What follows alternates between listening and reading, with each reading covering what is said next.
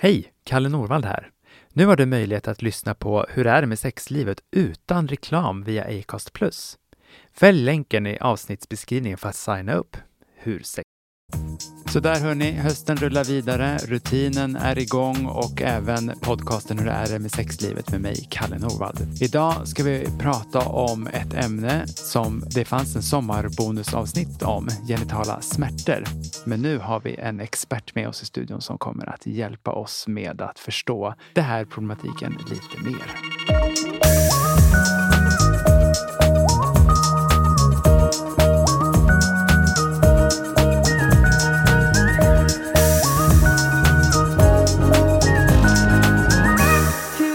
Med sexlivet med Kalle Norvald. Hej och välkommen hit Emma.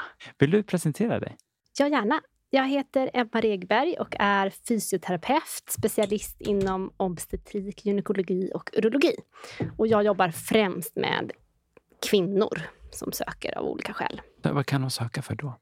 Men jag har mycket patienter med eh, förlossningsskador, bäckenbottensmärtor, smärta vid sex, som mm. vi ju pratar mer om idag kanske. Precis. Smärtor generellt i bäckenregionen eller dysfunktioner som rör de funktioner som är kopplat till organen i bäckenet. Mm. Du och jag har ju träffats förr. Vi har ju pratat om sexualitet och smärta i olika perspektiv. För jag menar fysioterapeut, eller sjukgymnast som det förut hette, det är ju inte kanske det vanligaste temat att jobba med den här delen av kroppen som fysioterapeut. Nej, precis. Vi är väl ett 20-tal specialister i, i hela landet. Ja. Sen tycker jag att det har blivit en uppsving i, inom vår profession och överlag att det finns en annan efterfrågan på mm. den här kompetensen. Men det är ju rehabiliteringsinsatser för den här delen av kroppen. Ja. Och egentligen är det ju inte konstigare än någon annan struktur i kroppen som vi kan jobba med rehab. Alltså bäckenbotten är muskulatur, precis som all annan muskulatur. Den stora skillnaden skulle jag säga är att det är känsligare i samtal och bemötande, såklart. Men också att många patienter kommer med en stor okunskap. För vi får ju inte med oss särskilt mycket kring de här frågorna från början. Tänker du typ så här sexualundervisningen ja, i skolan? Ja, eller så? Precis. Ja, precis. Jag, har ju, jag drog en föreläsning igår på KI där jag är med och undervisar och drog ett patientfall då med en av mina patienter där jag hade ett långt informerande samtal om det som hade hänt under hennes förlossning och hennes bäckenbottenfunktion och skada och symptom och hur vi kunde liksom förklara det här som hade mm. hänt. Och vi pratade säkert en timme, jag visade på bilder och hon avslutade mig med var sitter bäckenbotten någonstans? Mm och då inser man att så här, vi har gått händelserna i förväg där. Mm. Så det jag jobbar med är ju otroligt mycket utbildning faktiskt och rådgivning. Att det handlar väldigt mycket om det vi gör i samtal och kommunikation. Och sen har vi såklart liksom, våra rehabiliteringsinsatser som också är träning eller liksom, olika råd och, mm. och progression och utveckling i hur vi kan stärka kroppens olika funktioner. Men om vi går tillbaka då några steg även vi då. Vad, vad är smärta för någonting? Ifrån ditt perspektiv som fysioterapeut. Smärta är ju oftast obehagliga sensationer som kommer från kroppen. Mm. Sen sker ju tolkningen i stor del i hjärnan. Och vi pratar ju om smärta nu för tiden som en mycket mer komplext fenomen än vad man gjorde bara när jag utbildades för drygt tio år sedan. Mm. Eh, att det kommer in liksom tankar, upplevelser, hur vi tolkar smärtan gör ju också att smärtupplevelsen kan förstärkas eller mildras på olika sätt och vis. Så när vi jobbar med rehabilitering av smärta så är det ju i allra högsta grad också psykologi. Vi kan mm. inte bortse från det. Utan vi måste ha det med i beaktandet. Jag brukar dela upp smärta, liksom både det fysiologiska mm. men också det psykologiska, mm. precis som du är inne på. Just att hur kan vi också förstå smärtan? Smärta kan ju också ta ut alltså det som vi kallar för psykosomatik. Mm. Det är att när psykiska sår blir fysisk smärta. Precis. Det tänker jag att du också möter. Ja, hela tiden. Mm. Och det är oftast en enda sörja, skulle jag säga. Och det är otroligt svårt, både som den personen som upplever smärtan, men också som vårdgivare, oavsett vilken profession man har, att börja sortera i de här olika bitarna. Och det är därför det är så viktigt att vi inom vården också kan samverka med varandra. Mm. Alltså många av mina patienter behöver ju också samtal och liksom mer stöd i den biten. Så att man önskar att man kunde möta de här frågorna ännu mer i team än vad vården kanske gör i dagsläget. Ja, det är ju någon vårdapparat som behöver till. Det finns ju vissa delar i Sverige som har liksom specialistvård kopplat till det, men det är ju absolut så många gånger en storstadslyx eh, ja. att det är på de större sjukhusen som, och specie, inom specialistvården som Exakt. det finns. Och högt söktryck, alltså det märker jag bara på vår mottagning. Och det blir ju svårt för vissa patienter att komma fram inom mm. vården. Och det bygger på att man är ganska resursstark, att man kan och orkar och vet hur man ska, vilka vägar man ska gå för att hitta den vården. Hur tror du att du kom in på det här intresseområdet? Från början hade jag tänkt att jag skulle jobba med barn. Ja. För att jag har själv som barn gått i väldigt mycket sjukgymnastik på grund av en barnreumatism som jag fick när jag var åtta år. Ja. Så det var min ingång, att jag hade väldigt många olika vårdkontakter i min uppväxt. Och den som kom mig allra närmast och som jag tyckte jag fick bäst stöd av var sjukgymnasten. Mm. Jag hade samma i tio år. Det var helt fantastiskt wow. på Astrid Lindgrens barnsjukhus. Och det var väl min stora inspirationskälla. Sen under grundutbildningen, jag pluggade i Uppsala, så hade vi en praktikperiod ganska sent i utbildningen som mm. var på gyn och BB i sex veckor. Och det var någon sån här plats som de hade skakat fram därför att de inte hade tillräckligt många platser och vi var två stycken som var där. Och då insåg jag att om man genomgår en graviditet och sen en födsel så flyttas fokus enormt mycket från mamman och kvinnan till barnet ja. på ett väldigt drastiskt sätt. Och jag såg när jag var på de här besöken på BB hur det också påverkade de här mammorna. Så då tror jag jag kände att här finns det något att göra. Och jag tyckte det var väldigt meningsfullt att möta dem i sina frågor och oro och så. Så jag fortsatte med det liksom ganska direkt efter min examen och byggde på med en masterutbildning i Umeå och sen har jag blivit specialist i ämnet, vilket ja. tar tre års liksom, handledning. Så det är en ganska lång process, men ja. jobbat med, med ämnet hela den perioden.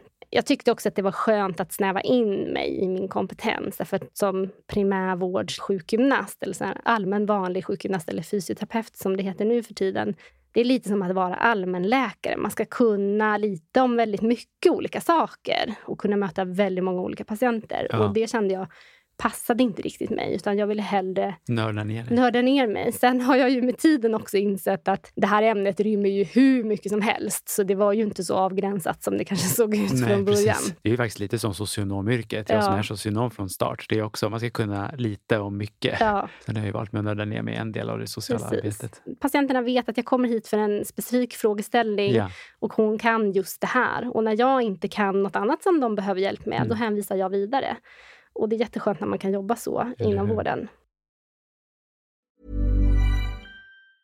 Hey, it's Paige DeSorbo from Giggly Squad. High quality fashion without the price tag. Say hello to Quince. I'm snagging high-end essentials like cozy cashmere sweaters, sleek leather jackets, fine jewelry, and so much more. With Quince being 50 to 80% less than similar brands and they partner with factories that prioritize safe ethical and responsible manufacturing. I love that. Luxury quality within reach. Go to quince.com slash style to get free shipping and 365 day returns on your next order. quince.com slash style. Hold up what was that boring no flavor that was as bad as those leftovers you ate all week Kiki Palmer here, and it's time to say hello to something fresh and guilt-free. Hello Fresh. Jazz up dinner with pecan-crusted chicken or garlic butter shrimp scampi. Now that's music to my mouth. Hello Fresh. Let's get this dinner party started. Discover all the delicious possibilities at hellofresh.com. Life is full of what ifs. Some awesome, like what if AI could fold your laundry? And some, well, less awesome. Like what if you have unexpected medical costs? United Healthcare can help get you covered with Health Protector Guard fixed indemnity insurance plans. They supplement your primary plan to help you manage out of pocket costs. No deductibles, no enrollment periods, and especially no more what ifs. Visit uh1.com to find the Health Protector Guard plan for you.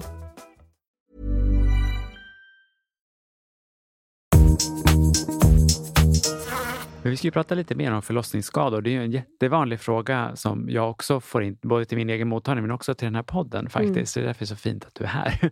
Hur vanligt är förlossningsskador? Men det beror på hur vi graderar dem. Om vi pratar bristningar överlag och förstagångsföderskor så får ju nästan alla någon form av bristning. Mm. Och sen finns det en gradering, liksom att man kan få en bristning grad 1, 2, 3 eller 4. Okej, okay. och, och, vad är det då? Om vi ska nörda ner oss lite, ja, du och jag. grad 1-bristningarna är ju att man får en skada på slemhinna eller huden, en mm. väldigt ytlig bristning som kan sys med enstaka stygn och som oftast läker väldigt snabbt. Grad 2-bristning är när vi ser en skada på underliggande vävnad. Alltså det kan vara bindväv eller muskelvävnad.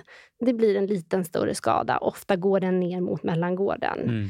Och en grad 3-bristning eller en grad 4-bristning det innebär på olika sätt att analsfinktrarna, alltså ringmusklerna, blir involverade. Och det är det man tidigare har pratat om som de stora bristningarna. Ja. Och där ligger vi väl på ungefär 3-4 procent. Ja, alla för, förstagångsföderskorna. Just. Ja. Mm. Däremot så har man också upptäckt eller börjat tala mer om vad som gömmer sig i grad 2-bristningarna i form av muskelskador och vilken typ av dysfunktioner det kan ja, sen ge. Innan då. Ja. ja. Och vi har också de här lite mer dolda skadorna i det akuta skedet som vi kallar levatorskador, som är den djupa delen av bäckenbotten. Som man inte bedömer eller klassificerar oftast i det akuta skedet, mm. men som kan ge ganska mycket problematik i liksom efter förloppet. Där man känner att jag har inte den här spontana, snabba läkningen, utan jag börjar få tilltagande symptom. Till exempel att det känns som en tyngd eller att man har svårt att klara belastning och så vidare. Mm. Jag skulle säga att den här skalan ger oss ju en hint, men vi behöver också ställa väldigt mycket mer frågor för att veta hur stor skadan är. För mm. i en grad 2-bristning kan det gömma sig en ganska liten skada eller en ganska stor. Och de är också vanliga för förstagångsföderskor. Är det någon skillnad då när man har fått sitt eh, eventuellt andra barn? Ja, då minskar risken. Då minskar risken. Ja, det finns Antog mer beredd väg för de allra flesta. Är det liksom den största gruppen som söker till din mottagning? Jag skulle säga det, att det har varit förlossningsskador. Det har ju lyfts mer i media kring förlossningsskador. Det har blivit en ganska stark eh, grupp som, som hjälper varandra och stöttar varandra på olika sätt mm. i sociala medier och mm. forum mm. och liknande. Som också börjar kräva mera vård och där stigmat och det här tabut faktiskt börjar brytas ner. Sen har jag också ganska mycket tonåringar med liksom sexuella smärtor mm. eller samlagssmärtor mm. eller spänningar i bäckenbotten. Och äldre kvinnor som söker på grund av olika dysfunktioner. Så ja. jag möter kvinnor i alla åldrar. Men jag skulle säga att den gruppen som känner sig nästan mest lämnade är ju de här förlossningsskadade som är tidigt efter en förlossning första året. Mm. För vi har inget regelrätt eftervårdsprogram i Sverige där man liksom följs upp och att det finns en plan för hur uppföljningen ser ut. Utan det är olika på olika sjukhus och inom olika regioner. Och många känner sig väldigt ensamma. Och det är också en väldigt omvälvande tid i livet där man brottas med mycket andra saker. Ja, och det är de som ehm, söker till mig många gånger. Ja, Medan till exempel ungdomarna, vi har ju en otrolig verksamhet på ungdomsmottagningarna. Verkligen som jag upplever räcker väldigt långt om man jämför med till exempel den här gruppen nyförlösta mammor. Ja, vi har en längre tradition att ta hand om ungdomarna mm. än efter man har fött barn. Mm. Många söker ju till mig med liksom frågor kring hur, ja, men hur ens kvinnlighet kan påverkas av att man fått någon form av förlossningsskada. Att man tänker att man inte är lika mycket kvinna för att kroppen inte pallar med det. Mm. Sen kan man rationellt, alltså i tanken, fatta att nej, men det är klart att det inte säger någonting om det. Men känslan är någonting annat. Och så kommer liksom inte sexlusten tillbaka så snabbt som man heller hade önskat och då blir man också en dålig partner. Mm. Så jag menar, det är, precis som du är inne på så är det ju verkligen en gröt av väldigt många olika känslor och lägg på lite smärta på det. Och det ser vi också i forskningen. Alltså, mm. Alltså det finns inte mycket forskning gjord på sexuell funktion eller dysfunktion hos kvinnor efter förlossning. Men det som finns visar oss ju att dels är det kroppsfunktionerna. Om man till exempel läcker urin så har man oftast en skattad sämre sexualitet eller sexualfunktion. Men det är också så att kroppskomplex, rädsla för nedsmutsning, till exempel anala läckage, Precis. en förändrad kropp. Alltså alla de här aspekterna mm. är riskfaktorer och vi ser det liksom representerat i gruppen som söker för sexuella problem. Om du får ge en kvalificerad gissning, jag har förstås också en, men mm. varför tror du att det här är ett sånt underprioriterat område generellt i regionsdriven vård? Ja, det är en otroligt bra fråga. Tack så mycket. Ja. Jag, Jag vill gärna höra din ja, gissning. men Jag har tänkt på det väldigt mycket. Ja. Men det är väl den här jättestora debatten om förlossningsvården som var i Region Stockholm i alla fall bara för några månader sedan i media. Men också att det nu jobbar ju jag privat, men att det är ju många som då hör av sig till mig och så måste man stå för det själv. Att det också Ja. blir något klassperspektiv på det som jag tycker är synd. Samtidigt blir så här, inte det här också en spegling över hur vården generellt sett ser ut? Att liksom Ja. den generella då så kallade kvinnohälsan är ofta underprioriterad. Jag tror att det är jättemycket fråga om resurser. Liksom, Ja. För det finns ju ett intresse inom olika professioner att Verkligen. arbeta med de här frågorna. Men det såg man ju bara på, ja nu kan vi outa det. Du och jag har ju bedrivit kurser på det här temat tidigare Precis. och det var väldigt många som ville gå det, väldigt många olika typer av professioner. Så det är ju väldigt många som har just nyfikenheten kring det. Mm. Och sen återkommer de oftast med att de har svårt att implementera det i sina verksamheter. Att Ja. Det är inte intresset hos den enskilda Nej. vårdgivaren som Nej. brister, upplever inte jag. För vi, det är som du säger, vi Mm. hade ju enormt söktryck på de här kurserna som vi har hållit. Ja. Det är nog resurser och sen delvis okunskap hos vissa, Mm. tror jag också. Mm. Så jag upplever ju ibland problem när jag hänvisar patienter till samtalskontakter och de får gå via vårdcentralen. Så träffar de kanske en kurator eller så och så börjar de prata om de här kroppsliga funktionerna. Då. Till exempel, jag har ett avföringsläckage och Mm. de kommer tillbaka till mig och beskriver att det kändes som att personen bara ville backa ut genom rummet. Hon var inte alls bekväm med att jag tog upp de här grejerna. Nej. Och det gör ju patienten jätteobekväm och så är Såklart. liksom den här loopen igång att man inte söker igen. Så att man blir hänvisad till kanske fel vårdinstanser Mm. också. Det är också så vår vårdkedja ser ut. Precis. Eh, Så det behövs Ja. ju någon form av kunskapshöjning och handledningsmoment Verkligen. i de leden också, tänker jag. Hur skulle liksom ett första besök då hos dig låta? Ja, men första besöket handlar ju jättemycket om anamnesen, alltså samtalet och intervjun. Och ibland är det nästan det enda jag gör, Mm. om man märker att det behövs. För det är också en bearbetning för många Precis. att få berätta sin historia i lugn och ro, att inte påstressat. Sen har jag en mall som jag följer och det har ju du och jag också pratat om, att det är Jajamän. bra för att normalisera de här jobbiga frågorna. Mm. Att man har en ingång, den här frågan ställer jag till alla och eh, nu kommer vi gå igenom det här frågebatteriet. Ja.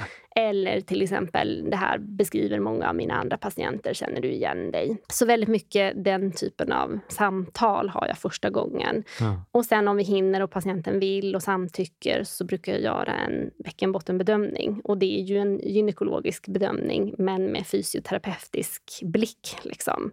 Där man bedömer hur muskelfunktionen är, hur spänningen är, vad hittar vi för smärta, hur reagerar man på olika stimuli och så Mm. vidare. Och redan där hittar man jättemycket man kan jobba med. Att det kanske finns en beröringskänslighet eller det finns en rädsla. Patienten ryggar undersökningen och då behöver vi liksom backa hands off och jobba med trygghet och tillit och så. Och det tror jag också i gynundersökningssituationen att väldigt många kvinnor beskriver att det har forcerats och man inte Ja. har känt sig hörd. Och även i förlossningsvården att eh, barnmorskorna är så otroligt pressade och eh, stressade Ja. och det finns inte förutsättningar att trygga och lugna och kommunicera på rätt Mm, sätt. Så mm. många kommer ju med upplevda trauman. Ja. Så det får man ju liksom se, vad landar det i kroppen och vilka obehagliga förnimmelser har vi att jobba med? Och vilka behagliga förnimmelser också. Att, att man behöver också ta fasta på att det här ser jag funkar jättebra. Ja. Här har vi någonting vi kan utveckla.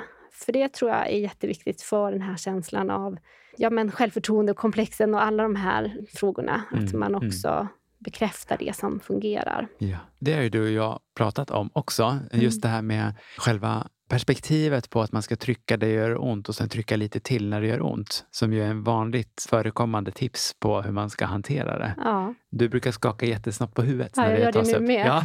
Eh, det var ju en sån där vid vestibulit, eller vulvodyni som vi nu kallar det. Att man Ja. tänkte att vi hittar den smärtande punkten i vagina eller i vulva och så trycker vi på den och så intalar vi oss själva någon slags KBT-approach tror Ja. jag man tänkte att det var. Det här gör inte ont, det här är inte farligt och så får vi en ny signal till hjärnan och så kommer vi ha löst problemet.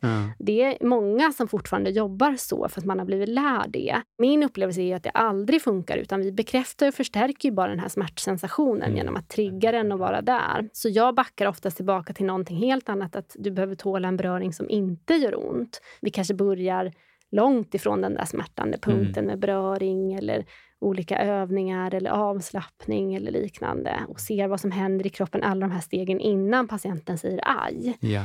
Och att försöka att bromsa och stanna innan det och mata kroppen och hjärnan med att det här går. Ja. Men det handlar ju också om gränssättning, Eller både inom sig själv också. och Ja. precis. Ja.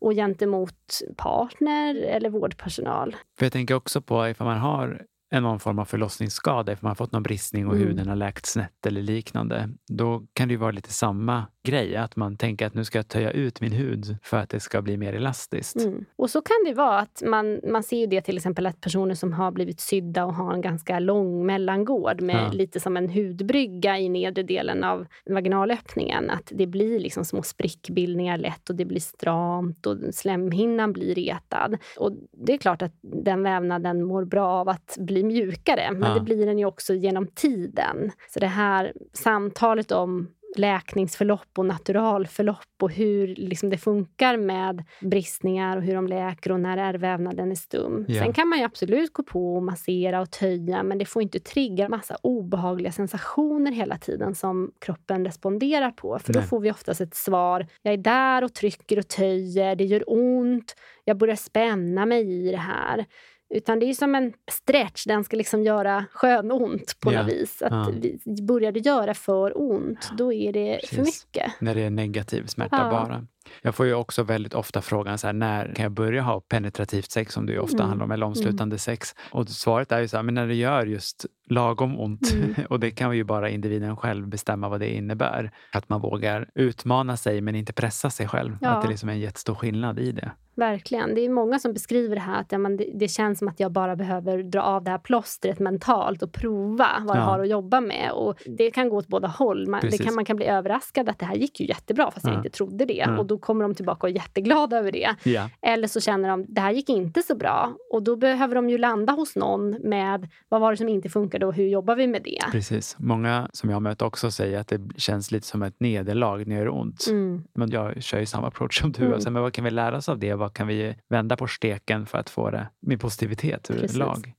Och du och jag har ju pratat jättemycket om det här med normer också, det Verkligen. omslutande samlaget. Ja. När vi frågar om sex så får jag alltid ställa liksom tio följdfrågor där jag, där jag liksom gräver mer i. Mm. Jag menar inte bara det omslutande samlaget, jag Precis. menar all form av Ja. liksom sexuell aktivitet. Ja. Det behöver inte ens vara med din partner. Nej. Och den frågan får ju folk väldigt sällan. Hur funkar onani då? Jag ställer ju alltid så Mm. frågan, sex med en, en eller andra eller med sig själv. Mm. Eh, för att det kan vara en skillnad. Om det går prima ballerina när man är på bokstavligen egen hand, Mm, ja, då har vi massa information där som vi Precis. verkligen kan ta nytta av ifall man vill ha sex med någon annan. verkligen. Hur brukar dina patienter generellt sett reagera på de typerna av sexologiska spörsmål? Nej, men de blir ju glada för frågorna, Mm. upplever jag. Alltså det att man öppnar en dörr Ja. till ett samtal som de vill ha. Men de tar inte alltid initiativ till det samtalet själva. Ja, och det finns ju också massa forskning på som visar att många patienter eller vårdsökare gärna vill att vi vårdgivare ställer frågan. Precis. Jag träffar väldigt många som tänker att man gör väldigt privata övertramp när man ställer de typerna av frågor för man tycker att sexualiteten är så otroligt privat. Mm. Men att ställa de frågorna är också väldigt proffsigt för att visa att hälsa inkluderar ju faktiskt också sexuell hälsa. Verkligen. Och att ställa de frågorna är viktigt. Gud, ja. Och jag tror att i den här frågebatteriet som jag har, hela det samtalet bygger på att vi pratar om allt från kiss och bajs Ja. till liksom... Och, och när man har landat i det, att aha, det, det är den här vägen vi går nu, vi kommer ta allt. Då Mm. upplever jag att alla patienter med glädje följer med i det. Det är väldigt få som vill stoppa.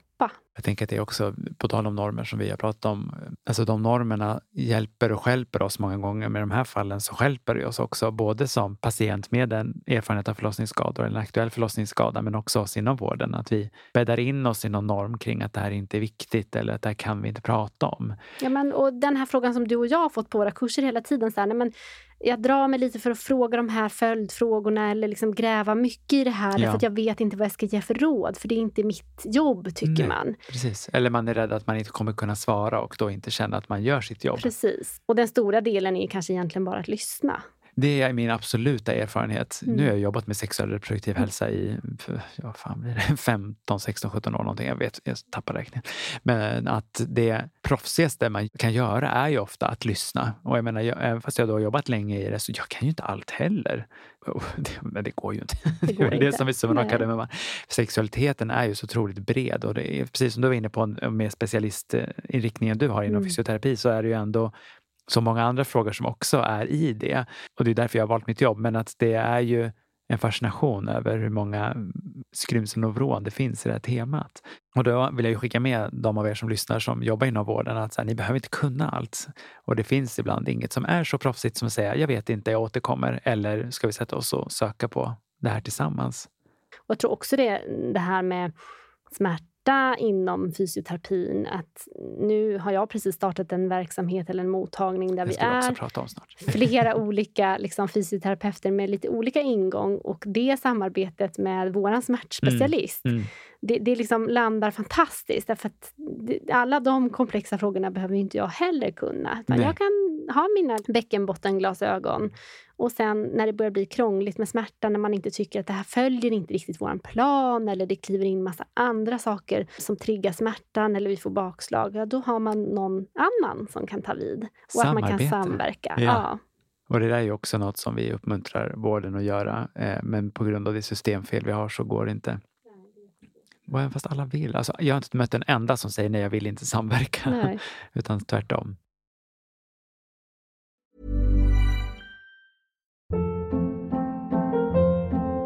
Hold up. What was that? Boring. No flavor. That was as bad as those leftovers you ate all week. Kiki Palmer here, and it's time to say hello to something fresh and guilt-free. Hello Fresh. Jazz up dinner with pecan-crusted chicken or garlic butter shrimp scampi. Now that's music to my mouth. Hello Fresh. Let's get this dinner party started. Discover all the delicious possibilities at hellofresh.com.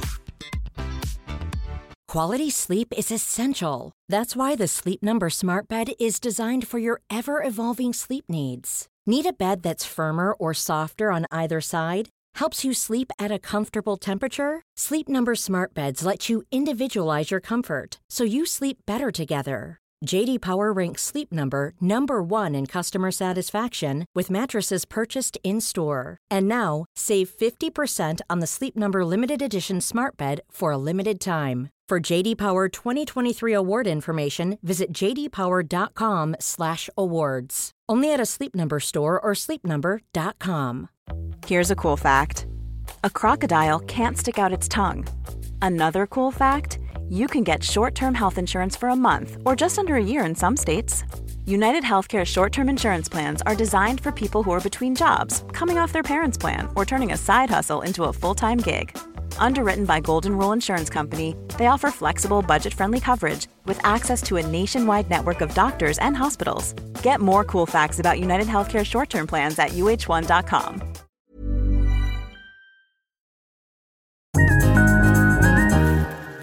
På tal om det här också med att söka vård. När, när ska man söka vård efter en förlossning när man märker att det inte... Men vi brukar prata om naturalförloppet och, och de här olika läkningsfaserna där vi kan grovt dela in det i tre olika faser efter en förlossning.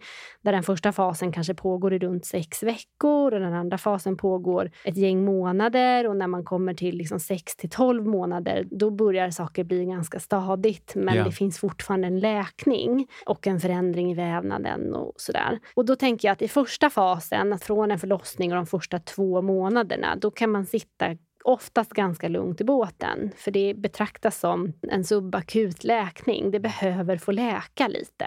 Om det är någonting som absolut inte funkar, ja, men då är det såklart att man ska söka vård om det är någonting som känns jätteoff. Men vi kan också förvänta oss att saker inte känns helt hundra i den här fasen. När man har kommit förbi två månader, då vill man ju liksom känna att ja, men nu går det stadigt framåt. Mina kroppsfunktioner och, och mina mål när det gäller att kunna vara aktiv eller göra saker, det, Ja. jag klarar lite mer för varje vecka eller varje månad. Och när det inte gör det, eller om det till och med blir tvärtom, att Mm. man börjar känna att jag får tilltagande symptom, tilltagande smärta, jag upptäcker att det är färre saker som jag klarar av att göra utan besvär. Då är det läge att söka vård, skulle jag säga. Ja. Så så länge man känner en positiv trend, då kan man ha ganska mycket is i magen. För att det tar tid. Alltså det har Eller passerat ett barn genom den här vävnaden. Den kommer vara jättesladdrig och wobblig och Mm. ha dålig stabilitet. Och det kanske har gått sönder, det behöver läka.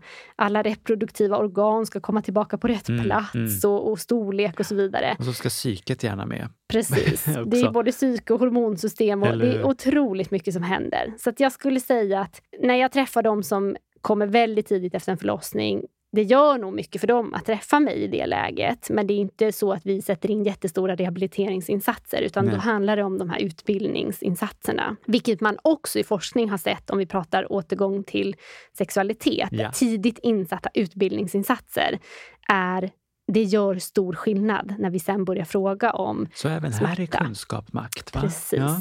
Så det önskar man ju att alla nåddes av. Ja. Men det kanske inte alltid finns utrymme för en individuell rehab eller liksom individuella vårdkontakter. Mm.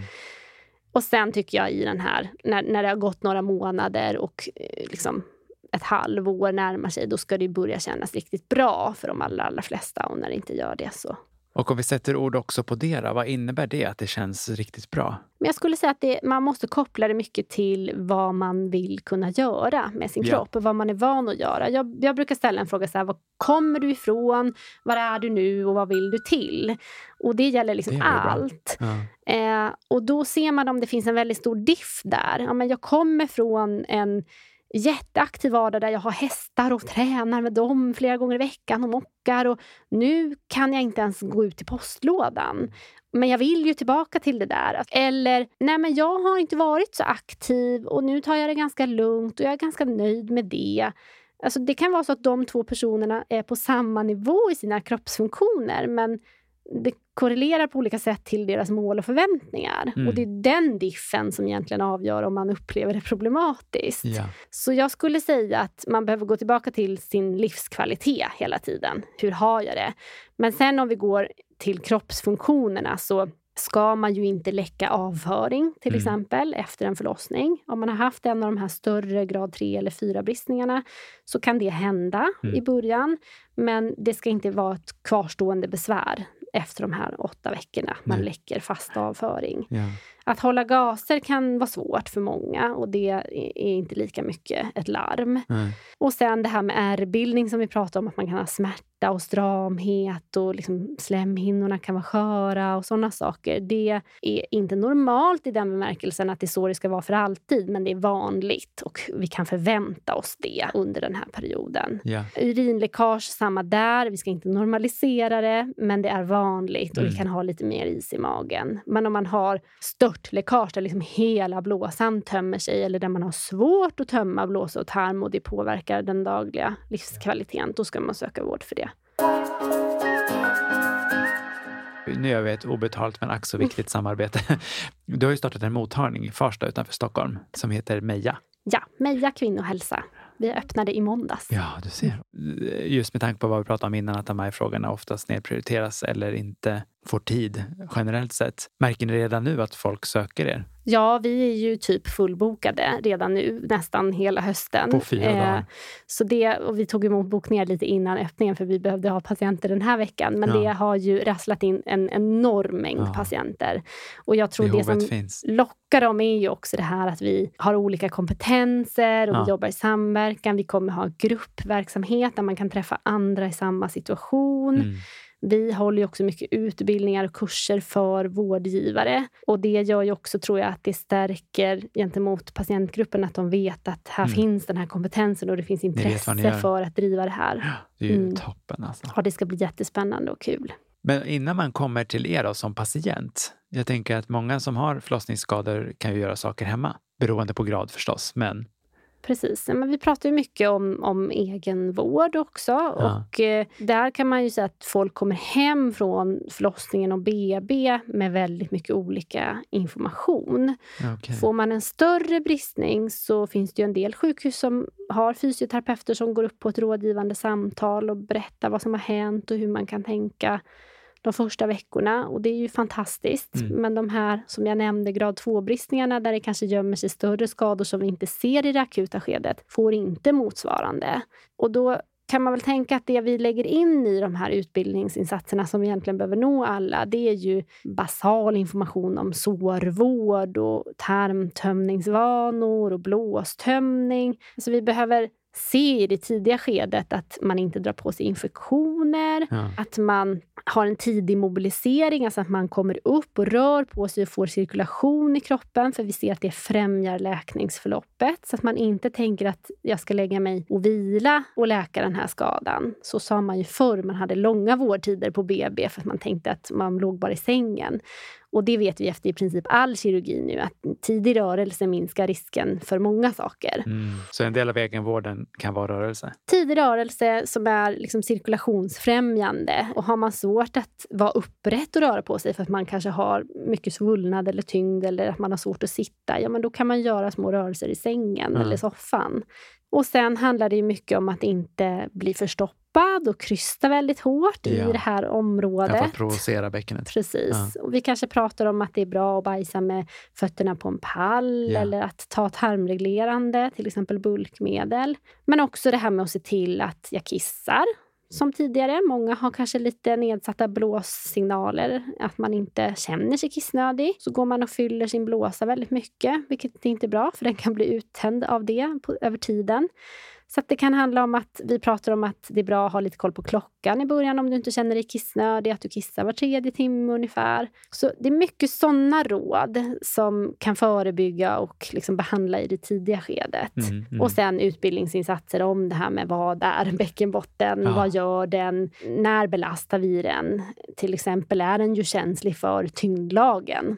Bäckenet håller ihop ganska mycket Precis. saker i vår kropp. Och bär våra bukorgan. Liksom. Så mm. där kan det ju vara en stor grej att man bara pratar lite om vad som är en rimlig viktad belastning. Att man kan bära sin bebis och, och sådana saker. Men mm. att konka på äldre syskon eller så i ett väldigt tidigt skede inte kanske bra. inte är så bra. Kan man sitta ner och ha större syskon i knät? Ja, det kan man ha. Och så länge sittandet känns okej. Okay. Vissa ja. tycker det är jätteobehagligt att sitta mm. bara för att man har kanske stygn eller Precis. att det finns ett sår i underlivet. Och då ska man inte provocera smärta i onödan. Men det finns ingen riskfaktor så belastningsmässigt.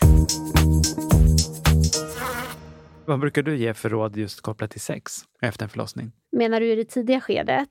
Eller allmänt? Ja, vi kan väl börja där. Ja, nej men i det tidiga skedet om, om den frågan kommer, när jag till exempel jobbade på sjukhus och gjorde de här besöken på BB mm. och den frågan kom, så var det ju väldigt mycket att inte forcera. Att inte tro att alla andra återgår till samlivet så himla fort.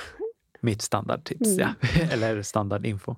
För det tror jag alla tänker att jag är inte normal och alla andra gör si eller så. Precis. Mycket. Det finns ju en föreställning om att man tänker att nu är barnet ute, nu ska vi återgå till exakt samma sexliv vi hade som när vi gjorde det här barnet. Mm. Eh, och det är ju dessvärre inte riktigt så. Nej. Sen kan det vara svårt för man har varit den som är gravid och har en partner som absolut vill, mm. att stå emot det. Eh, och då finns det ju vissa medicinska orsaker varför man inte ska ha omslutande eller penetrerande samlag så här, två dagar efter förlossning. Förstås. Men att då blir det liksom en parrådgivningssituation. Ja, jag tyckte det var jättebra när jag hade de här samtalen på BB, de tidiga samtalen, eller en som jag har folk som kommer till mottagningen tidigt nu, om man kan få med partnern i det och prata lite om så infektionsrisk och, och, risk för att stygn kan släppa släppa och vid större bristningar eller om man har blivit sydd mer så säger vi ju vänta åtta veckor för det måste ja. läka ihop. Ja. Att man liksom förklarar lite varför vi sätter de här tidsgränserna. Är inte det också ett så bra råd till alla? Mm. att informera varför vi gör som vi gör. För att eh, om man bara säger så här, gör inte så här, punkt, mm. så öppnar det också upp för massa fantasier som inte alltid kanske aldrig stämmer överens med verkligheten. Mm. Så att också då förklara varför man ger det specifika rådet. Jag läste någon studie häromdagen bara om det här med återgång till samlivet efter förlossning. Och då hade man frågat kvinnor liksom hur tidigt provade du igen? Men de hade inte frågat vad det var de gjorde. För då landade något snitt ah, på så här 8 till 12 veckor så har de flesta provat att återgå till samlivet. Men det var men inte tydliggjort vad det var. Det är ju också ett gott exempel på hur normativiteten tar sig in i akademin. Att man tänker sig alla vet vad vi menar. Nej, Nej. Eftersom samlivet verkligen kan vara uh, triljoner olika saker. Verkligen. Så även här är också ett bra standardråd att bredda perspektiven på vad det här samlivet kan vara. Att inte behöver, ni behöver inte in i varandra för att det ska räknas. Nej, precis. Och ibland har vi ju patienter eller personer framför oss som inte ens har haft ett penetrativt samliv på det sättet Mm. innan. Nej, precis. Alltså barn kan ju bli till på många olika sätt. Tack och lov. Mm. Sen blir väldigt många barn till via sex. Men Mm. det är också, igen, är det ju det här att liksom lyssna in både till kropp och själ någonstans. Att Mm. vad är det vi vill och behöver just nu? Mm. Eh, nu blir det lite ett sidospår här, men jag tänker också att det är många par som vill få igång sexlivet snabbt, men glömmer då också bort att det kan ju vara tredje, till och med ibland i vissa fall fjärde person som liksom har kommit in i familjen som också behöver tillgodose sina behov. Precis. Och att det, liksom blir, det blir en annan dynamik. Blir en annan dynamik och det blir också så här rent kroppsligt tycker jag många beskriver det här närhetsbehovet som så otroligt övermättat när man går runt med ett litet barn. Liksom. Ja, jag har inte ammat eller varit gravid, men jag kan Nej. verkligen tänka mig att först då bära på en person Ja. i nio månader, sen ska man eventuellt amma Ja. i några månader till eller år beroende på vad man väljer. Och då är det klart att så här, men när ska min kropp få bli min? Hey, it's Danny Pellegrino from Everything Iconic. Ready to upgrade your style game without blowing your budget? Check out Quince. They've got all the good stuff shirts and polos, activewear, and fine leather goods, all at 50 to 80% less than other high end brands. And the best part? They're all about safe, ethical, and responsible manufacturing. Get that luxury vibe without the luxury price tag. Hit up quince.com slash upgrade for free shipping and 365 day returns on your next order. That's quince.com slash upgrade. Ever catch yourself eating the same flavorless dinner three days in a row?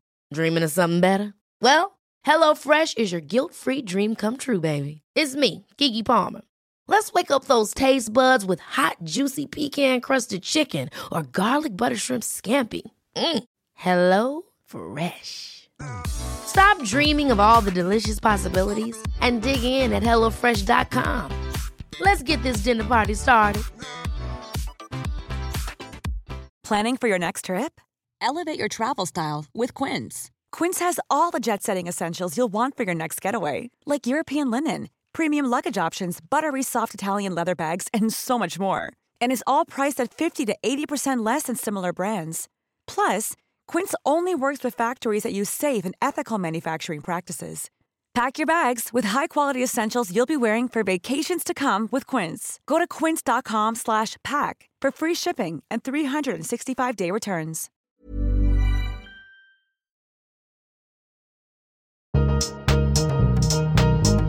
Men finns det något mer medicinskt man kan göra på egen hand vid förlossningsskada?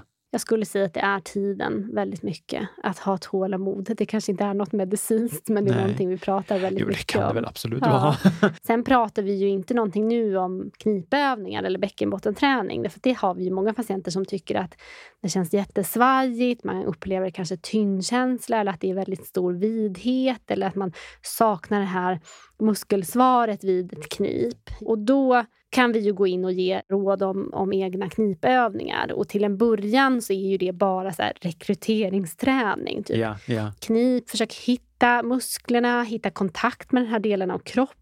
Hur känns det? Vad händer med din tolkning av Mm. hur det känns? Känns det jobbigt? Ja, men okej, då får man städa där lite. Ja. Och sen stegras det successivt. Så när det har gått någon månad kanske man börjar styrketräna bäckenbotten med dagliga knip. Och då finns det ju en mängd olika appar för det eller så. Där vi brukar rekommendera TÄT-appen som ju är Mm. gjord av Umeå universitet. Och som Man är kan länka den till avsnittsbeskrivningen. här. i olika steg där man liksom kan stegra sina knipövningar.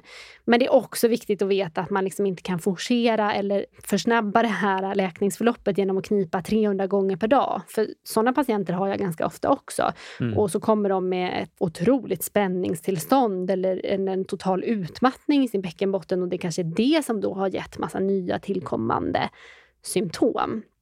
Så att på något sätt Tiden, jätteviktig. Vi kan stimulera läkningen genom eh, egenvård och genom rörelse och genom knipövningar. Men vi kan liksom inte göra mer och få jättemycket mer resultat eller snabbare resultat. Det är för det, jag tänker att det igen är ett resultat av att vi vill att det här ska gå så groteskt jävla fort. Ja, verkligen. Du skrattar ju så att tålamod är ju ingen medicinskt, men jag tänker att det är ju absolut inom psykologin i alla fall och mitt gebit, att man just vill att det ska gå så fort och jag tänker att det kan också vara en anledningen varför man hoppar på det omslutande penetrerande sexet kanske ibland lite tidigare än vad kroppen mm. säger att den vill. Just för att man vill så gärna återgå till någonting. Här brukar jag ju tipsa om att men tänk inte att man ska återgå utan att hitta något nytt. Och det kan också vara väldigt lustfyllt att hitta på det här nya. Och det gäller ju liksom hela kroppen efter en, om man då har varit gravid och genomgått en födsel oavsett hur den har sett ut. Mm. Det kommer aldrig bli prick som det var innan. Det är en orimlig förväntan men som också kommer av kroppsideal och strukturer ja, som ingen värld. av oss är immun mot. Kommer normerna in igen? Exakt. Men att vi behöver liksom också prata om det. Ja. Varför tycker du det är så jobbigt att magen putar? Vad är det du jämför med? Hur det såg ut innan eller hur du tänker att andra ser ut? Eller jag tror mycket på det här att, att känna att man inte är ensam. Jag, jag tror med. att det är därför det gör så mycket för våra patienter att komma till oss. Därför att det är inte alltid exakt vad vi gör eller vad vi ger dem, utan det är att de får någon där. Ja. En närvaro mm, i sitt mm. liv där de vet att här kan jag, jag, jag landar här regelbundet ja. och kan ställa mina frågor eller få bara prata av mig de här grejerna. Och så gör vi någonting aktivt. Vi liksom tar det som vi får ur samtalet och så hittar vi på någonting som vi gör aktivt. Ja. Det ger en väldigt bra positiv känsla.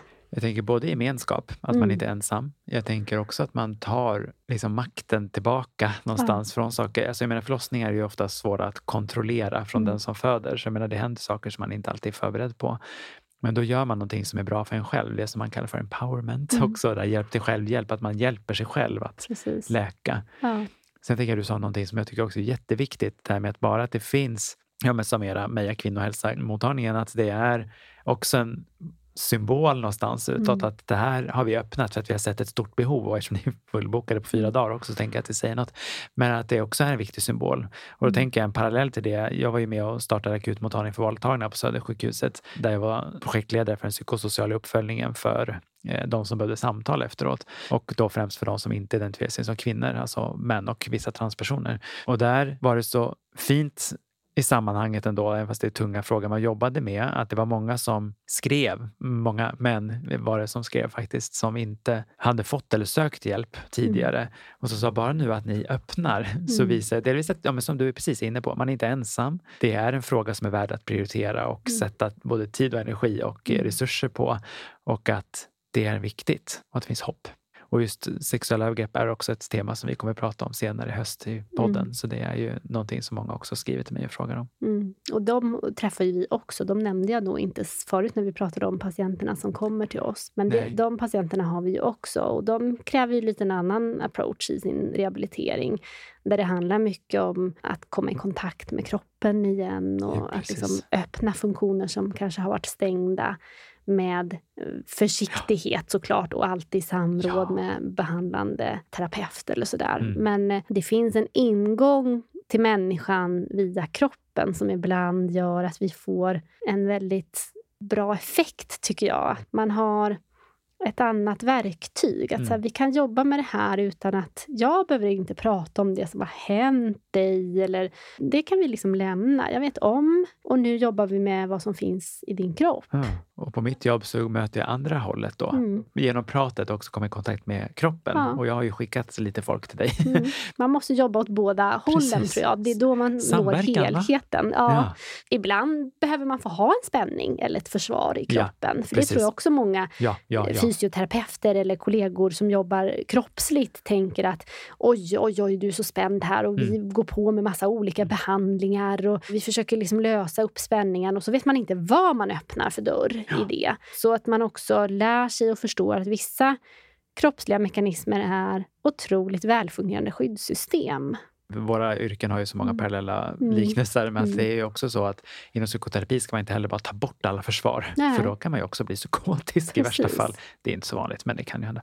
Men att man ska förstå att här har vi ett försvar ja. och vad det också har hjälpt dig med. Och inte klanka ner på det, för det är ju väldigt många som gör, tycker jag, som kommer till oss. Men jag är så himla vi... spänd och det är ju därför jag har alla de här problemen. Dut, dut, dut, ja. dut, dut, dut, liksom. Skuldbeläggandet. Liksom. Ja, mm. otroligt mycket. Att man skuldbelägger, tar ansvar. Det behöver vi också förskjuta ansvaret där det hör hemma mm. på något vis. Och vart hör det hemma? Ja, om vi pratar övergrepp så hör det väl hemma i begynnelsen hos den som begick Be övergreppet. Precis. Ja. Mm. Eftersom man har sig själv närmast så är det också mm. lättare att skuldbelägga sig själv. Mm. Och det är synd i många mm. aspekter. Men om vi ska avsluta det här med lite mer hoppfullt då, mm. så tänker jag att det finns hjälp att få. Det finns hjälp att få.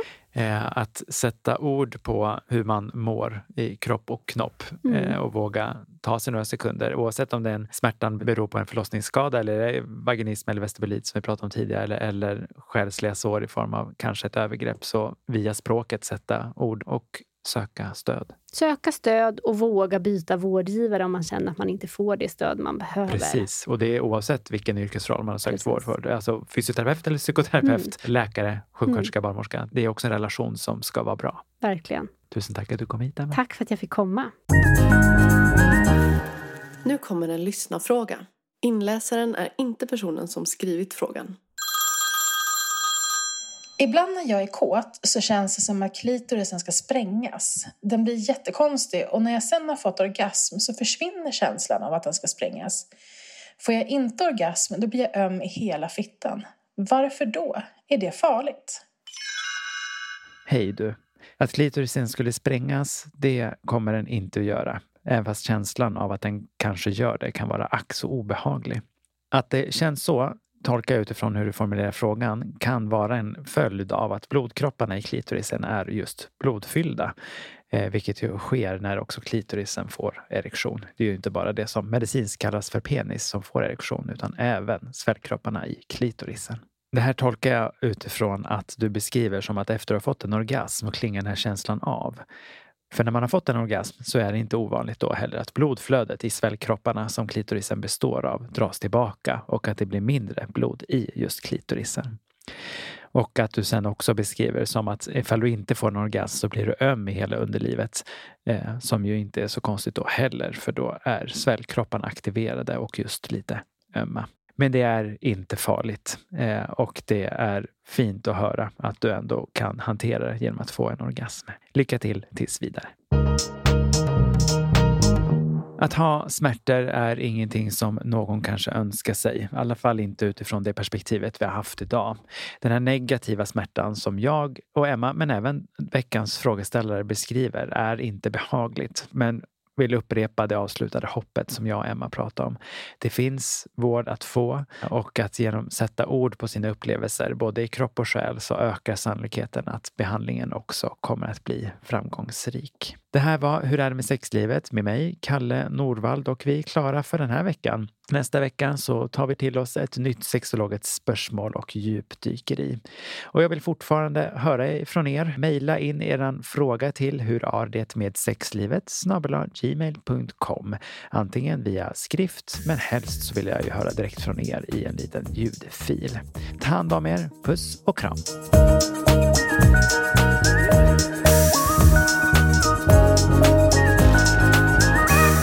Produceras av Kalle Norvald och Nicky Yrla. Musik och ljudmix av mig, Nicky Yrla.